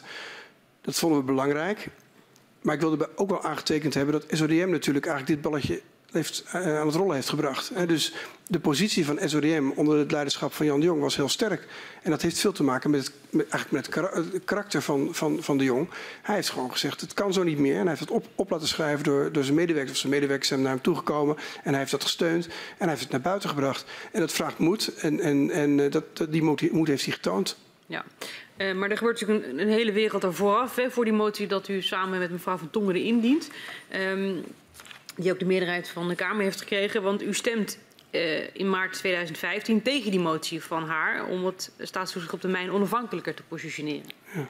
Waarom was dat? Ja, ik kan, me, ik kan me niet exact herinneren, maar uh, tijdens, u, u, weet ook dat uh, uh, na afloop van zo'n debat worden tientallen, soms meer dan honderd moties ingediend. Mm -hmm. En dan is het voor een coalitiepoliticus is het altijd zaak, of in ieder geval in die tijd, in die politieke constellatie was het voor mij zaak om te kiezen welke moties ik wel en niet zou steunen. En welke doelen ik wilde behalen tijdens, in dat debat. En dat moest met enige moderatie om, om natuurlijk geen uh, crisis te, uh, te creëren. Want ik denk niet dat. ja, ik opereerde best wel een beetje op het randje. Die van zo werd dat beschreven in de media. Ehm, dus ja, ik, ik, heb waarschijnlijk op dat moment het niet opportun geacht om die motie te steunen. Ja. En daarna met Lisbeth, Lisbeth is daarna met haar gebruikelijke charme waarschijnlijk naar mij toegekomen. En ze kunnen dat niet nog eens een keer bespreken. En toen ben ik daar wel overstag gaan hebben. een moment gekozen waarop dat wel kon. Hè. Dus, dus je probeerde iedere keer weer een stukje op te schuiven. Ja. Uh, er zijn tientallen moties aangenomen die de positie van Groningen en Groningers hebben verbeterd. En ook amendementen. De belangrijkste daarvan hebben we overigens nog niet eens besproken. Maar het is geleidelijk aangegaan. We konden dat niet in één keer. Nee, maar als u zegt in, in maart 2015 uh, heeft mijn fractie tegengestemd. Op dat moment uh, balanceerde ik op het randje. Uh, het was geen crisis waard. Nou, niet deze specifieke motie, maar er, er, Kijk, na, niet... na, afloop van zo'n debat zit je om twee uur s'nachts in de plenaire zaal. Yeah. En dan, dan, dan, komt er een hele lijst met, met moties uh, komt er langs. Ja, en, dan is het een, een, politieke inschatting die je maakt. Ga ik dit nu wel of ga ik dit nu niet steunen? En dan telt mee wat zijn de andere moties die al ingediend zijn. En het telt ook mee hoe, hoe, hoe zit minister Kamp er op dit moment uh, uh, bij. Kijk, voor je weet heb je een dag van Smeltsen hè, of, of, een dag van Wiegel. Ja. En dat, dat wilde ik, dat wilde dat ik vermijden. Ja. En, um, ja, en, en, dat ligt moet u denk ik zien. Maar ik kan me deze specifieke motie overigens niet, niet eens op, op die manier herinneren in dat, in dat debat. En dat, dat, kan ook, dat kan ook bijna niet anders. Omdat er dus, wat ik al zei, vaak meer dan 100 moties werden ingediend. Ja. Ja. Na afloop van zo'n debat. We hebben 122 keer met elkaar gedebatteerd in nee. die vier jaar en zeven maanden. Iedere keer zes tot acht uur. Ja, maar u zult begrijpen dat mijn taak is om u dat wel te laten herinneren. Ja, ja, want vervolgens in april 2015 dan gaat u inderdaad met, mevrouw Van Tongeren um, een motie indienen uh, om het wel voor elkaar te krijgen. Uh, wat is daar dan ja, in die maand dan tussen gevallen dat u dat denkt, ja, nu, ga, nu voel ik het wel opportun om het in te dienen samen? Misschien, uh, nou, wat ik net zei, ik denk dat Elisabeth van Tongeren kennende is naar mij toegekomen en heeft ze druk uitgeoefend en ben ik, ben ik daarin overstag gegaan. En uh, ja, dat kon dan blijkbaar ook op dat moment naar mijn inschatting, die geen wet van mede en pers is. Politiek is geen. Mm -hmm. hè, dit gaat heel vaak over getallen, dit dossier, maar politiek is natuurlijk niet, uh, geen vak van getallen. Nee. Um, deze motie wordt dan, dan na twee dagen um, gewijzigd. Uh, want wat um, De regering wordt niet meer verzocht ook de optie te onderzoeken om het staatstoezicht op de mijnen onder een andere ministerie onder te brengen. Waar, waarom was dat? Nou, ik, ik vermoed dat er dan. Ik weet het niet meer. Maar de uh, politieke constellatie van dat moment kennende. vermoed ik dat er een, een contact is geweest met de politieke assistent. Uh, misschien zelfs door mevrouw Van Tongeren zelf. Uh, want die had ook die contacten. En dat er is gezegd, ja, de, deze motie kunnen wij op die manier niet steunen. Maar als u hem zo wijzigt, dan, dan laten we hem oordeelkamer. U, u, kent het, u kent het jargon. Ja. En minister Kamp kennende hield hij dat toch wel graag enigszins bij zich. Dus ik kan me voorstellen dat hij wel inzag dat onafhankelijkheid goed was. Dat, dat zal hij ook zo hebben beoordeeld. Mm. Maar dat hij het liever niet bij een ander departement zag. En ja, ik denk, ik denk dat het een bestuurlijke afweging is die op zich ook legitiem is. Dus dit, dit is eigenlijk een voorbeeld van goed, goed samenspel, zou je kunnen zeggen, tussen Kamer en kabinet. Ja. Hoe vindt u dan, um, hoe vindt u dan uiteindelijk dat die, die aanbevelingen van de OVV uiteindelijk zijn opgevolgd en ook waaronder uw motie? Ja, ik heb Um, ik weet niet hoe dat nu uiteindelijk is afgelopen, maar tot op de dag van vandaag, um, als ik uh, de adviezen van SODM lees, dan denk ik ja, daar zit een onafhankelijk instituut. Dat was overigens ook al het geval voordat deze wijziging tot stand was gebracht. Want SODM, nogmaals, heeft het hele balletje hier aan het rollen gebracht. Dus ik kan niet alle, uh, uh, alles overzien, uh, maar voor zover ik weet is, heeft, heeft het OVV-rapport heeft in, in, ja, in grote mate Ehm, gehoor gevonden bij iedereen die met dit dossier te maken heeft gehad. Ja, oké, dank u wel. Ik wil uh, nu met u ingaan op een ander voorstel, uh, de omkering van de bewijslast. Uh, u sluit zich aan bij een amendement hierover van het lid uh, Oudehand. In april 2015 neemt de Kamer dat amendement aan. Wat was de reden dat u zich aansloot bij het voorstel? Dat is iets anders gegaan. Um, ik heb, um, het was geen ornament van mevrouw Ouwehand, het was een motie in eerste instantie. Okay. En daarna is, um, in ieder geval bij mijn beste weten, en daarna is een amendement ingediend van mijn hand, uh, waarbij mevrouw Ouwehand zich ook heeft aangesloten. Dit is politieke uh, gekissenbis, maar ik wil het toch maar eventjes feitelijk dan rechtzetten. En dat kwam omdat mevrouw Witteveen, die in 2002 Kamerlid was voor de Partij van de Arbeid, bij de behandeling van de toenmalige mijnbouwwet, met mevrouw um, van de VVD, um, help mij, als minister, um, Jorritsma. En uh, die heeft toen, die mevrouw Witteveen, die heeft toen gevraagd om die omkering van de bewijslast. En mevrouw Jorritsma vond dat in de tijd als minister niet noodzakelijk. En mevrouw Witteveen heeft mij gebeld, of ik heb haar gebeld, dat weet ik niet meer precies, maar we hebben met elkaar gesproken. Omdat ik in de, uh, in de archieven van de, van de Kamerstukken uh, dus ik denk dat ik, dat toch haar heb gebeld. Want ik heb in, de, in stukken heb ik haar inbreng in de tijd teruggevonden. Dus ik, ik, ben van origine historicus. Ik vind het leuk om kamerstukken te lezen. De meeste mensen zullen andere hobby's hebben, maar ik, ik had dat naar boven gehaald. En toen uh, zei mevrouw Witteveen, zei, ja, dat is belangrijk. En ze legde mij uit waarom dat was. Ik had nog nooit van omkering van de bewijslast gehoord op dat moment. En toen heb ik de minister verzocht, zo ging het meestal in het debat, van kunt u er eens naar kijken. Nou, dan is het de taak van de oppositie om meteen een motie in te dienen en het eigenlijk al te, uh, uh, te claimen. Dat is ook wat mevrouw Ouwehand heel goed heeft gedaan. Was een heel goed Kamerlid, is een heel goed Kamerlid. En vervolgens heb ik contact genomen met de Partij voor de Dieren. En ik heb gezegd, zullen we dat samen doen en zullen we een abonnement uh, indienen? En toen zei Esther Ouwehand, ja natuurlijk doen we dat. En dat hebben we ook zo gedaan. En hoe werd erop gereageerd door de minister? Afhoudend, afwijzend. Uh, de minister is natuurlijk, uh, minister Kamp, is iemand die graag uh, regeert. En hij, hij, is degene die dat doet. En het medewet, dat, dat de Kamer medewetgever is, dat moest toch altijd een beetje worden, worden afgedwongen. We hebben ook gezien dat de minister dan een voorlichting vraagt bij de Raad van State over het abonnement. Volgens mij trekt hij de hele wet in. en dan komt er een novelle. en nou, uiteindelijk komt in een gewijzigde vorm komt, komt de inhoud van het abonnement terug met drie beperkingen. Een gebiedsbeperking, die alleen Groningen. Een beperking ten aanzien van de, eh, van, van de mijnbouwactiviteit waar het om gaat, namelijk gaswinning. En de derde restrictie is dat het om materiële schade moet gaan. Dus immateriële schade. Zeg, je hebt psychologisch uh, heel erg last van de gaswinning, waardoor je uh, schade ondervindt. Dat telde dan niet mee. Dat, dat waren de, de verschillen die hij aanbracht uh, in de uiteindelijke wetgeving. En daarop heeft u vervolgens nog een abonnement ingediend? Nee, daar is geen abonnement meer op ingediend. Nee. Ik heb toen geaccepteerd dat, ja. uh, dat hij dat uh, op die manier de, ja. de, geest van het abonnement heeft omgezet in wetgeving. Ja. En uh, ja, ik heb die drie wijzigingen heb ik geaccepteerd. Uh, en, en, daarna is het, is het wet in werking getreden. En iets anders wat we hadden gerealiseerd in die periode, dat waren de, de arbiters. En dat kwam voort uit een debat al jaren daarvoor.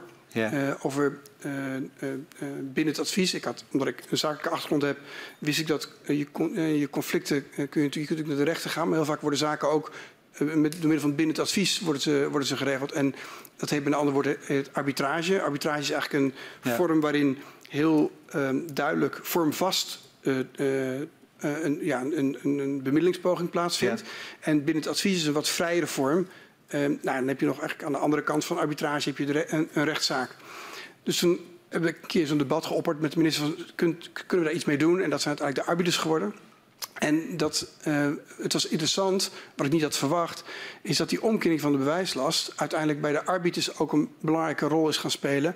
Waardoor wat natuurlijk op zich wel logisch is, maar wat ik, waar ik niet op had geanticipeerd. Ik heb geen juridische achtergrond, ik wist het allemaal niet. Mm. Maar toen bleek dus dat best wel veel Groningers daar het gelijk werden gesteld. Wat ook weer vragen opriep toen bij de NAM, als ik, als ik goed heb begrepen. Want die vonden het natuurlijk niet. Ja, die moesten dat allemaal betalen. Ja, ja. Ik wil nog even één stap terugzetten, uh, want mijn vraag oorspronkelijk was eigenlijk uh, wat u vond van uh, de stap van de minister om een voorlichting te vragen bij de Raad van State. Maar u zegt dat, zo is het niet gegaan, want die, die wet werd ingetrokken en er werd een andere wet nou, hij, heeft, hij, heeft, gezegd, in de Kamer heeft hij gezegd, ik ga voorlichting vragen bij de Raad van State. Volgens mij is die voorlichting ook gekomen. En daarna heeft hij volgens mij de wet ingetrokken, omdat die voorlichting okay. niet helemaal was wat hij... Maar ja. het, okay. het is een ingewikkelde... Ja. Uh, het, ja. is niet, het is niet... Het heeft geloof ik anderhalf jaar geduurd nog. Ja, ja. Uh, wij zagen ook in een ambtelijke notitie uit die periode... Uh, oktober 2015, dat daar geopperd wordt om ja, in een soort een kwestie van geven en nemen. Ja, u voor te stellen, of de PvdA voor te stellen, om af te zien van omkering van de bewijslast.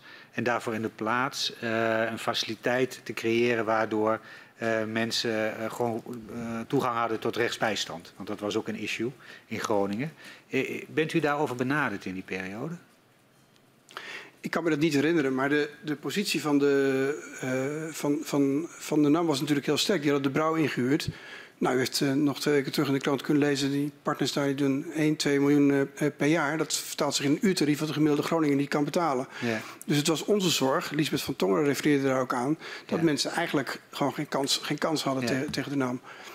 En ja, dan is het heel leuk om een fonds in het leven te roepen, maar dat wordt natuurlijk weer ontzettend ingewikkeld. En als je gewoon de, bij, de, de bewijslast omdraait, ja, dan is het aan de, aan de NAM om aan te tonen wat er fout is. Okay, maar u, u dus, bent, u dus bent ik ben, niet benaderd ik ben misschien over benaderd, kan ik me niet herinneren, maar ik had meteen nee gezegd. Je had meteen, oké. Helder. Ja.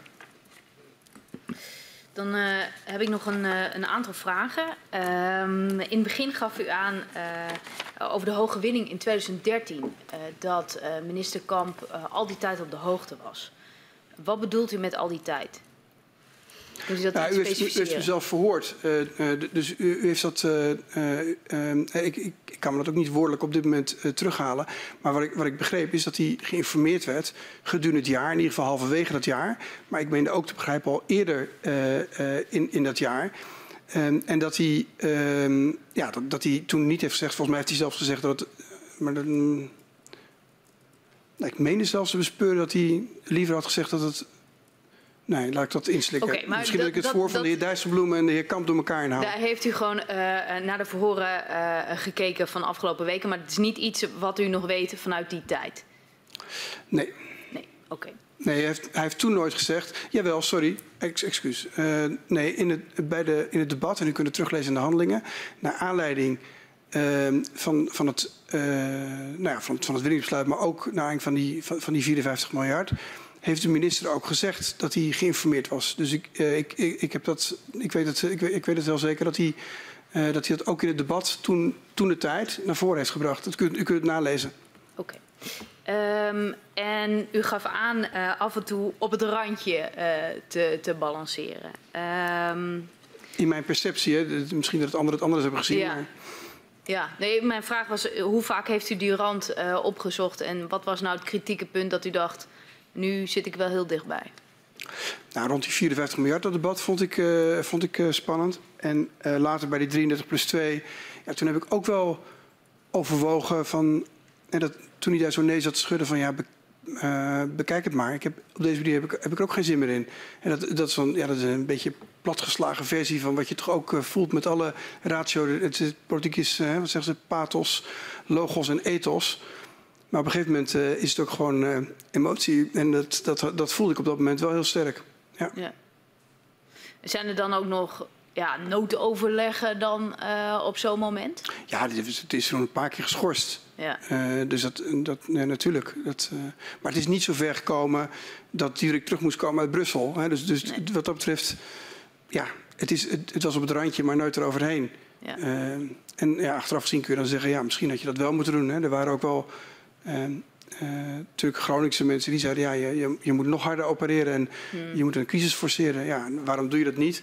Nou, omdat we drie kabinetten Balken hadden gehad, uh, uh, die allemaal waren gevallen voortijdig. Waardoor Nederland op dat moment Italië aan de Maas werd genoemd. Hè. Toch een heel ander beeld wat van Nederland bestond. Dus iedereen had echt het idee van we gaan dit samen uitzitten.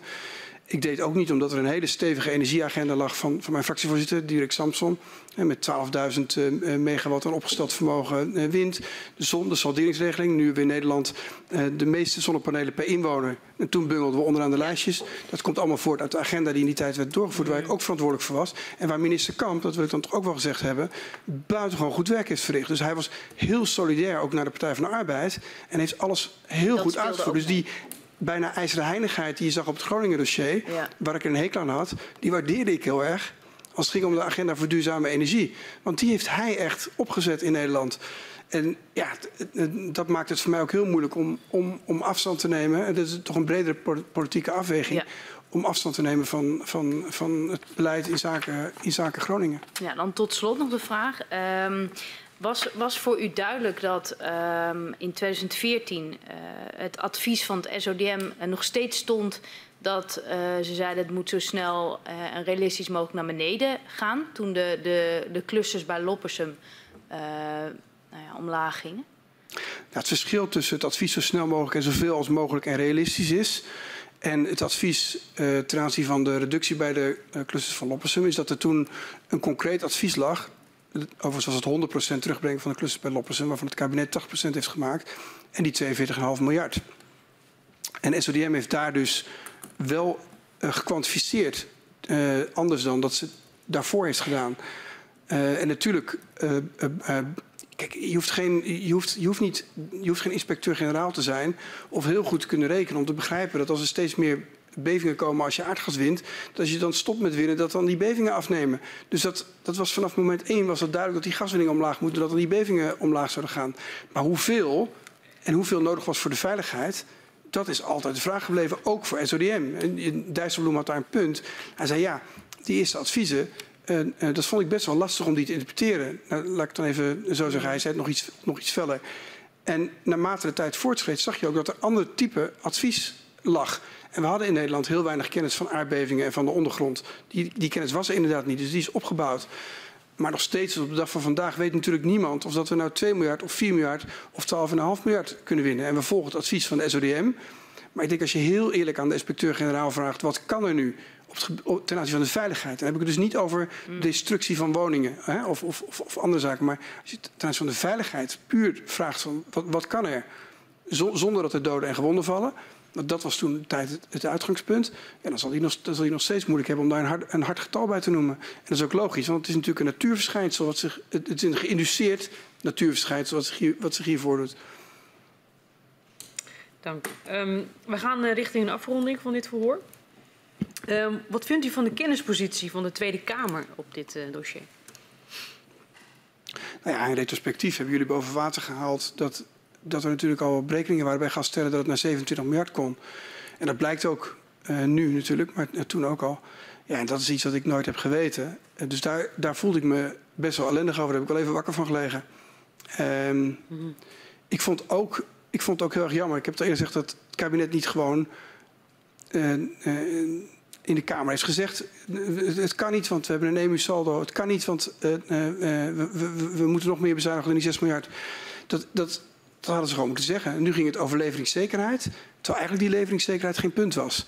En dat, dat begrijp ik niet. Dus u spreekt eigenlijk minister Kamp nog een keer. Ik ben wel heel benieuwd hoe hij dat nu eigenlijk ziet. Of ik dat nou verkeerd heb begrepen, uh, of, of dat het echt, echt zo zit. Maar daarnaast was de informatiepositie van de Kamer was, was goed. Ik heb, ik heb daar nooit, ik heb zelf nooit het idee gehad dat we te weinig informatie hadden. Integendeel, het idee was ook natuurlijk wel een beetje met die 14 onderzoeken.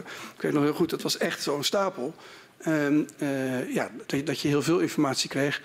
Um, en dat je daardoor misschien soms door de bomen het bos niet meer zag. Alhoewel er ook weer hele goede samenvattingen soms bij zaten. Dus nee, die informatievoorziening was goed. Ja. En, en in inzicht uh, in, de werking van het gasgebouw, was dat ook voldoende? Ja, nogmaals, ik vind het nog steeds wel eens een keer moeilijk om, om exact te begrijpen uh, uh, hoe het gasgebouw in elkaar zit. Alhoewel ik het ook, ook kan reproduceren voor u. Maar um, ik denk dat daar allerlei zaken zich hebben afgespeeld die toch, en voor een deel zullen boven water gehaald, maar voor een deel zullen, ja, zal, zal het misschien ook niet het geval zijn. Mm -hmm. Daar zitten allerlei formele en informele verbanden. Mensen die elkaar lang kenden, die, die, die elkaar voordroegen voor functies. Wat, waar op zich niks mis mee is, maar wat wel toch een heel afgesloten geheel uh, uh, was en wat een, wat een afgesloten indruk maakte. En ook door de complexiteit eigenlijk al aan zich niet transparant was. Wat, wat een pleonasme is, maar u begrijpt, u, u, u begrijpt wat ik bedoel. En, en mevrouw Van Tongen, die, die, die, had het over de commissaris van de Koning. Die was tot 2007, misschien om dat nog even goed te... was die inderdaad onderdeel van het gasgebouw. Dus de toenmalige commissaris van de Koning, Max van den Berg... die, die is volgens mij nooit onderdeel geweest van het gasgebouw. Maar de commissaris daarvoor wel oud-minister van Economische Zaken uh, Lubbers was um, uh, voorzitter van de Mijnraad. Dus al die partijen, al de gevestigde partijen in Den Haag, hadden allemaal daar hun plekje in. En hoe zich dat heeft afgespeeld, ja, dat, dat, u heeft dat boven water gehaald voor een belangrijk deel, maar voor een deel zal dat, zal dat toch een soort van. Um, ja, blijft dat iets wat, wat niet transparant is. En ik denk dat we kunnen concluderen met z'n allen dat het gasgebouw geen, geen goed idee was. Mm -hmm. Behalve dan dat Nederland er natuurlijk enorm rijk van is geworden. En dat de Groningers uiteindelijk daarvan de schade hebben ondervonden. Ja. Hoe kan de kennispositie van de Tweede Kamer volgens u worden verbeterd? Ja, ik, ik, hoorde ook de voorstellen over. Iedereen zegt ook er meer mensen komen te werken ter ondersteuning en dergelijke. Maar ik heb dat zelf niet zo ervaren. En ik had best wel een groot dossier. Maar ik, ik, heb dat, ik heb dat niet zo ervaren. En er wordt ook altijd gekeken naar Europese onderzoeken. En dan zijn we heel slecht bedeeld met, met ondersteuning. En natuurlijk kun je meer mensen aannemen. Maar ja, ja. Kijk, uiteindelijk het enquêterecht, dat, dat wil ik nog wel uh, uh, zeggen. Kijk, wij leven in een, in een constitutionele um, uh, monarchie, een gedecentraliseerde eenheidsstaat en we hebben een prachtig systeem. En dat systeem dat heeft ertoe geleid dat toen die gaswinning uit de hand liep in 2012, dat er te veel bevingen waren, dat de inspectie, die precies die functie had, mm -hmm. de inspectie heeft toen gezegd, luister eens, dit kan zo niet langer, het moet anders. Vervolgens heeft het kabinet heeft gezegd, hoe dan? En die zijn die onderzoeken uit gaan zetten. De Kamer heeft gezegd, wij zijn de volksvertegenwoordiging. U doet het niet snel genoeg. U doet het niet goed genoeg. Ja. De Raad van State, ja, ik wil het toch echt even zeggen. De Raad van State is een heel nuttig, de derde macht is een heel nuttig orgaan gebleken om in beroep te gaan op het moment dat er niet tijdig werd, werd, werd ingegrepen. Mm -hmm. En uiteindelijk aan het eind van het proces waren we nog zo verbolgen over de schadeafhandeling en, en, en over de wijze waarop Groningen is benadeeld, dat we een, parlementa een parlementaire enquête hebben ingesteld, en dat bent u, om nog eens een keer het hele proces te bekijken. En dat, dat is toch belangrijk om je te realiseren, dat we uiteindelijk dus heel goed met elkaar geregeld hebben in Nederland. En dat, dat we dit allemaal kunnen doen en dat we op deze manier de waarheid boven water kunnen halen. En dat we ook op deze manier van het ene paradigma in het andere kunnen, kunnen overgaan. Want binnen vijf jaar zijn we nu heel erg anders dan waar we waren. En overal in de wereld waar delfstoffen worden, worden gewonnen, is een hoop ellende voor de mensen die eromheen wonen. Maar in de meeste andere landen is het veel beroerder geregeld dan in Nederland. Ja. Uh, wat zegt dat dan over hoe de Tweede Kamer met haar verantwoordelijkheid is omgegaan? Ja, die, daar, daarvan denk ik dus dat de Kamer echt een heel belangrijke rol heeft gespeeld. Want ja, maar rol ik heb gespeeld? Een goede nou, de, rol? De gaswinning, was, de gaswinning was niet omlaag gegaan zonder dat de Kamer zich verenigd had en een front had gevormd tegen het kabinet. U heeft minister Dijsselbloem hier gehad, oud-minister Dijsselbloem heeft oud-minister Kamp hier gehad. Ik heb niet de indruk gehad dat daar nu zo, zo heel snel uh, uh, de belangstelling groot was om die gaswinning te verminderen. En de Kamer heeft, de oppositie, de Partij van de Arbeid en later ook de VVD, ook de VVD-woordvoerder Bosman, ook de VVD-fractie, heeft eraan getrokken om die gaswinning omlaag te krijgen. En uiteindelijk is het kabinet stap, stukje bij beetje overstag gegaan. Dus dat die parlementaire democratie niet goed zou, werk, zou werken, nou, dat, dat, dat, vind ik echt, dat vind ik echt niet juist. Ik denk in tegendeel, ik denk dat de Kamer heel goed zijn werk heeft gedaan. Had het beter gekund? Ja, natuurlijk had het beter gekund. In retrospectief kun je allemaal punten aanwijzen waarop je grote fouten hebt gemaakt. Maar grosso modo het hele proces overziend, vind ik, vind ik dat, dat, dat, dat we uiteindelijk ergens zijn gekomen uh, waar we niet hadden kunnen komen zonder die parlementaire democratie. Ja, ja. En, en, en dan hè, de verantwoordelijkheid van verantwoordelijkheid naar uh, directe oplossingen voor Groningers. Wat was dan daarin de rol van de Tweede Kamer? Kunt u dat herhalen? Nou, ik had mijn vraag ging net over hoe de, hoe de, Tweede Kamer met haar verantwoordelijkheid is omgegaan. Hè? Daar gaf u net antwoord op. En in welke mate vindt u dat de Tweede Kamer he, heeft kunnen bijdragen aan een oplossing voor de gedupeerde Groningers? Nou, dat is natuurlijk, daar kom ik, dat, dat is wel het schrijnende natuurlijk. Um, uh, waar ik ook mee begon. In het allereerste de allereerste bijdrage in een Kamerdebat na het verschijnen van het allereerste advies van SODM hebben we gevraagd heb ik ook gevraagd namens de PvdA-fractie... kunt u de naam op afstand plaatsen en kunt u ervoor zorgen dat die mensen die gedupeerd zijn... dat die geholpen worden, onverminderd de schade die de NAM uh, uh, moet betalen. En in het allerlaatste debat is diezelfde, die, datzelfde punt nog een keer in de motie... hebben we dat nog een keer in de motie moeten verwoorden. En eigenlijk tot op de dag van vandaag hebben mensen niet gekregen waar ze recht op hebben. En dat is dan ook ja, het, het, belangrijkste punt wat nu nog geregeld moet, uh, moet worden.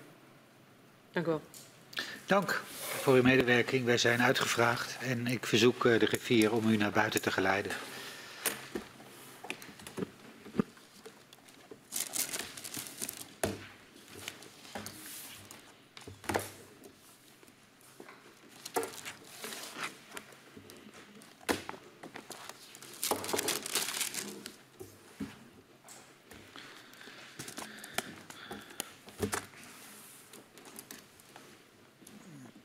Uh, het laatste verhoor vandaag zal om kwart voor vijf uh, aanvangen. En dan spreken we de heer Leegte, toen Kamerlid van uh, de VVD. ik sluit de vergadering.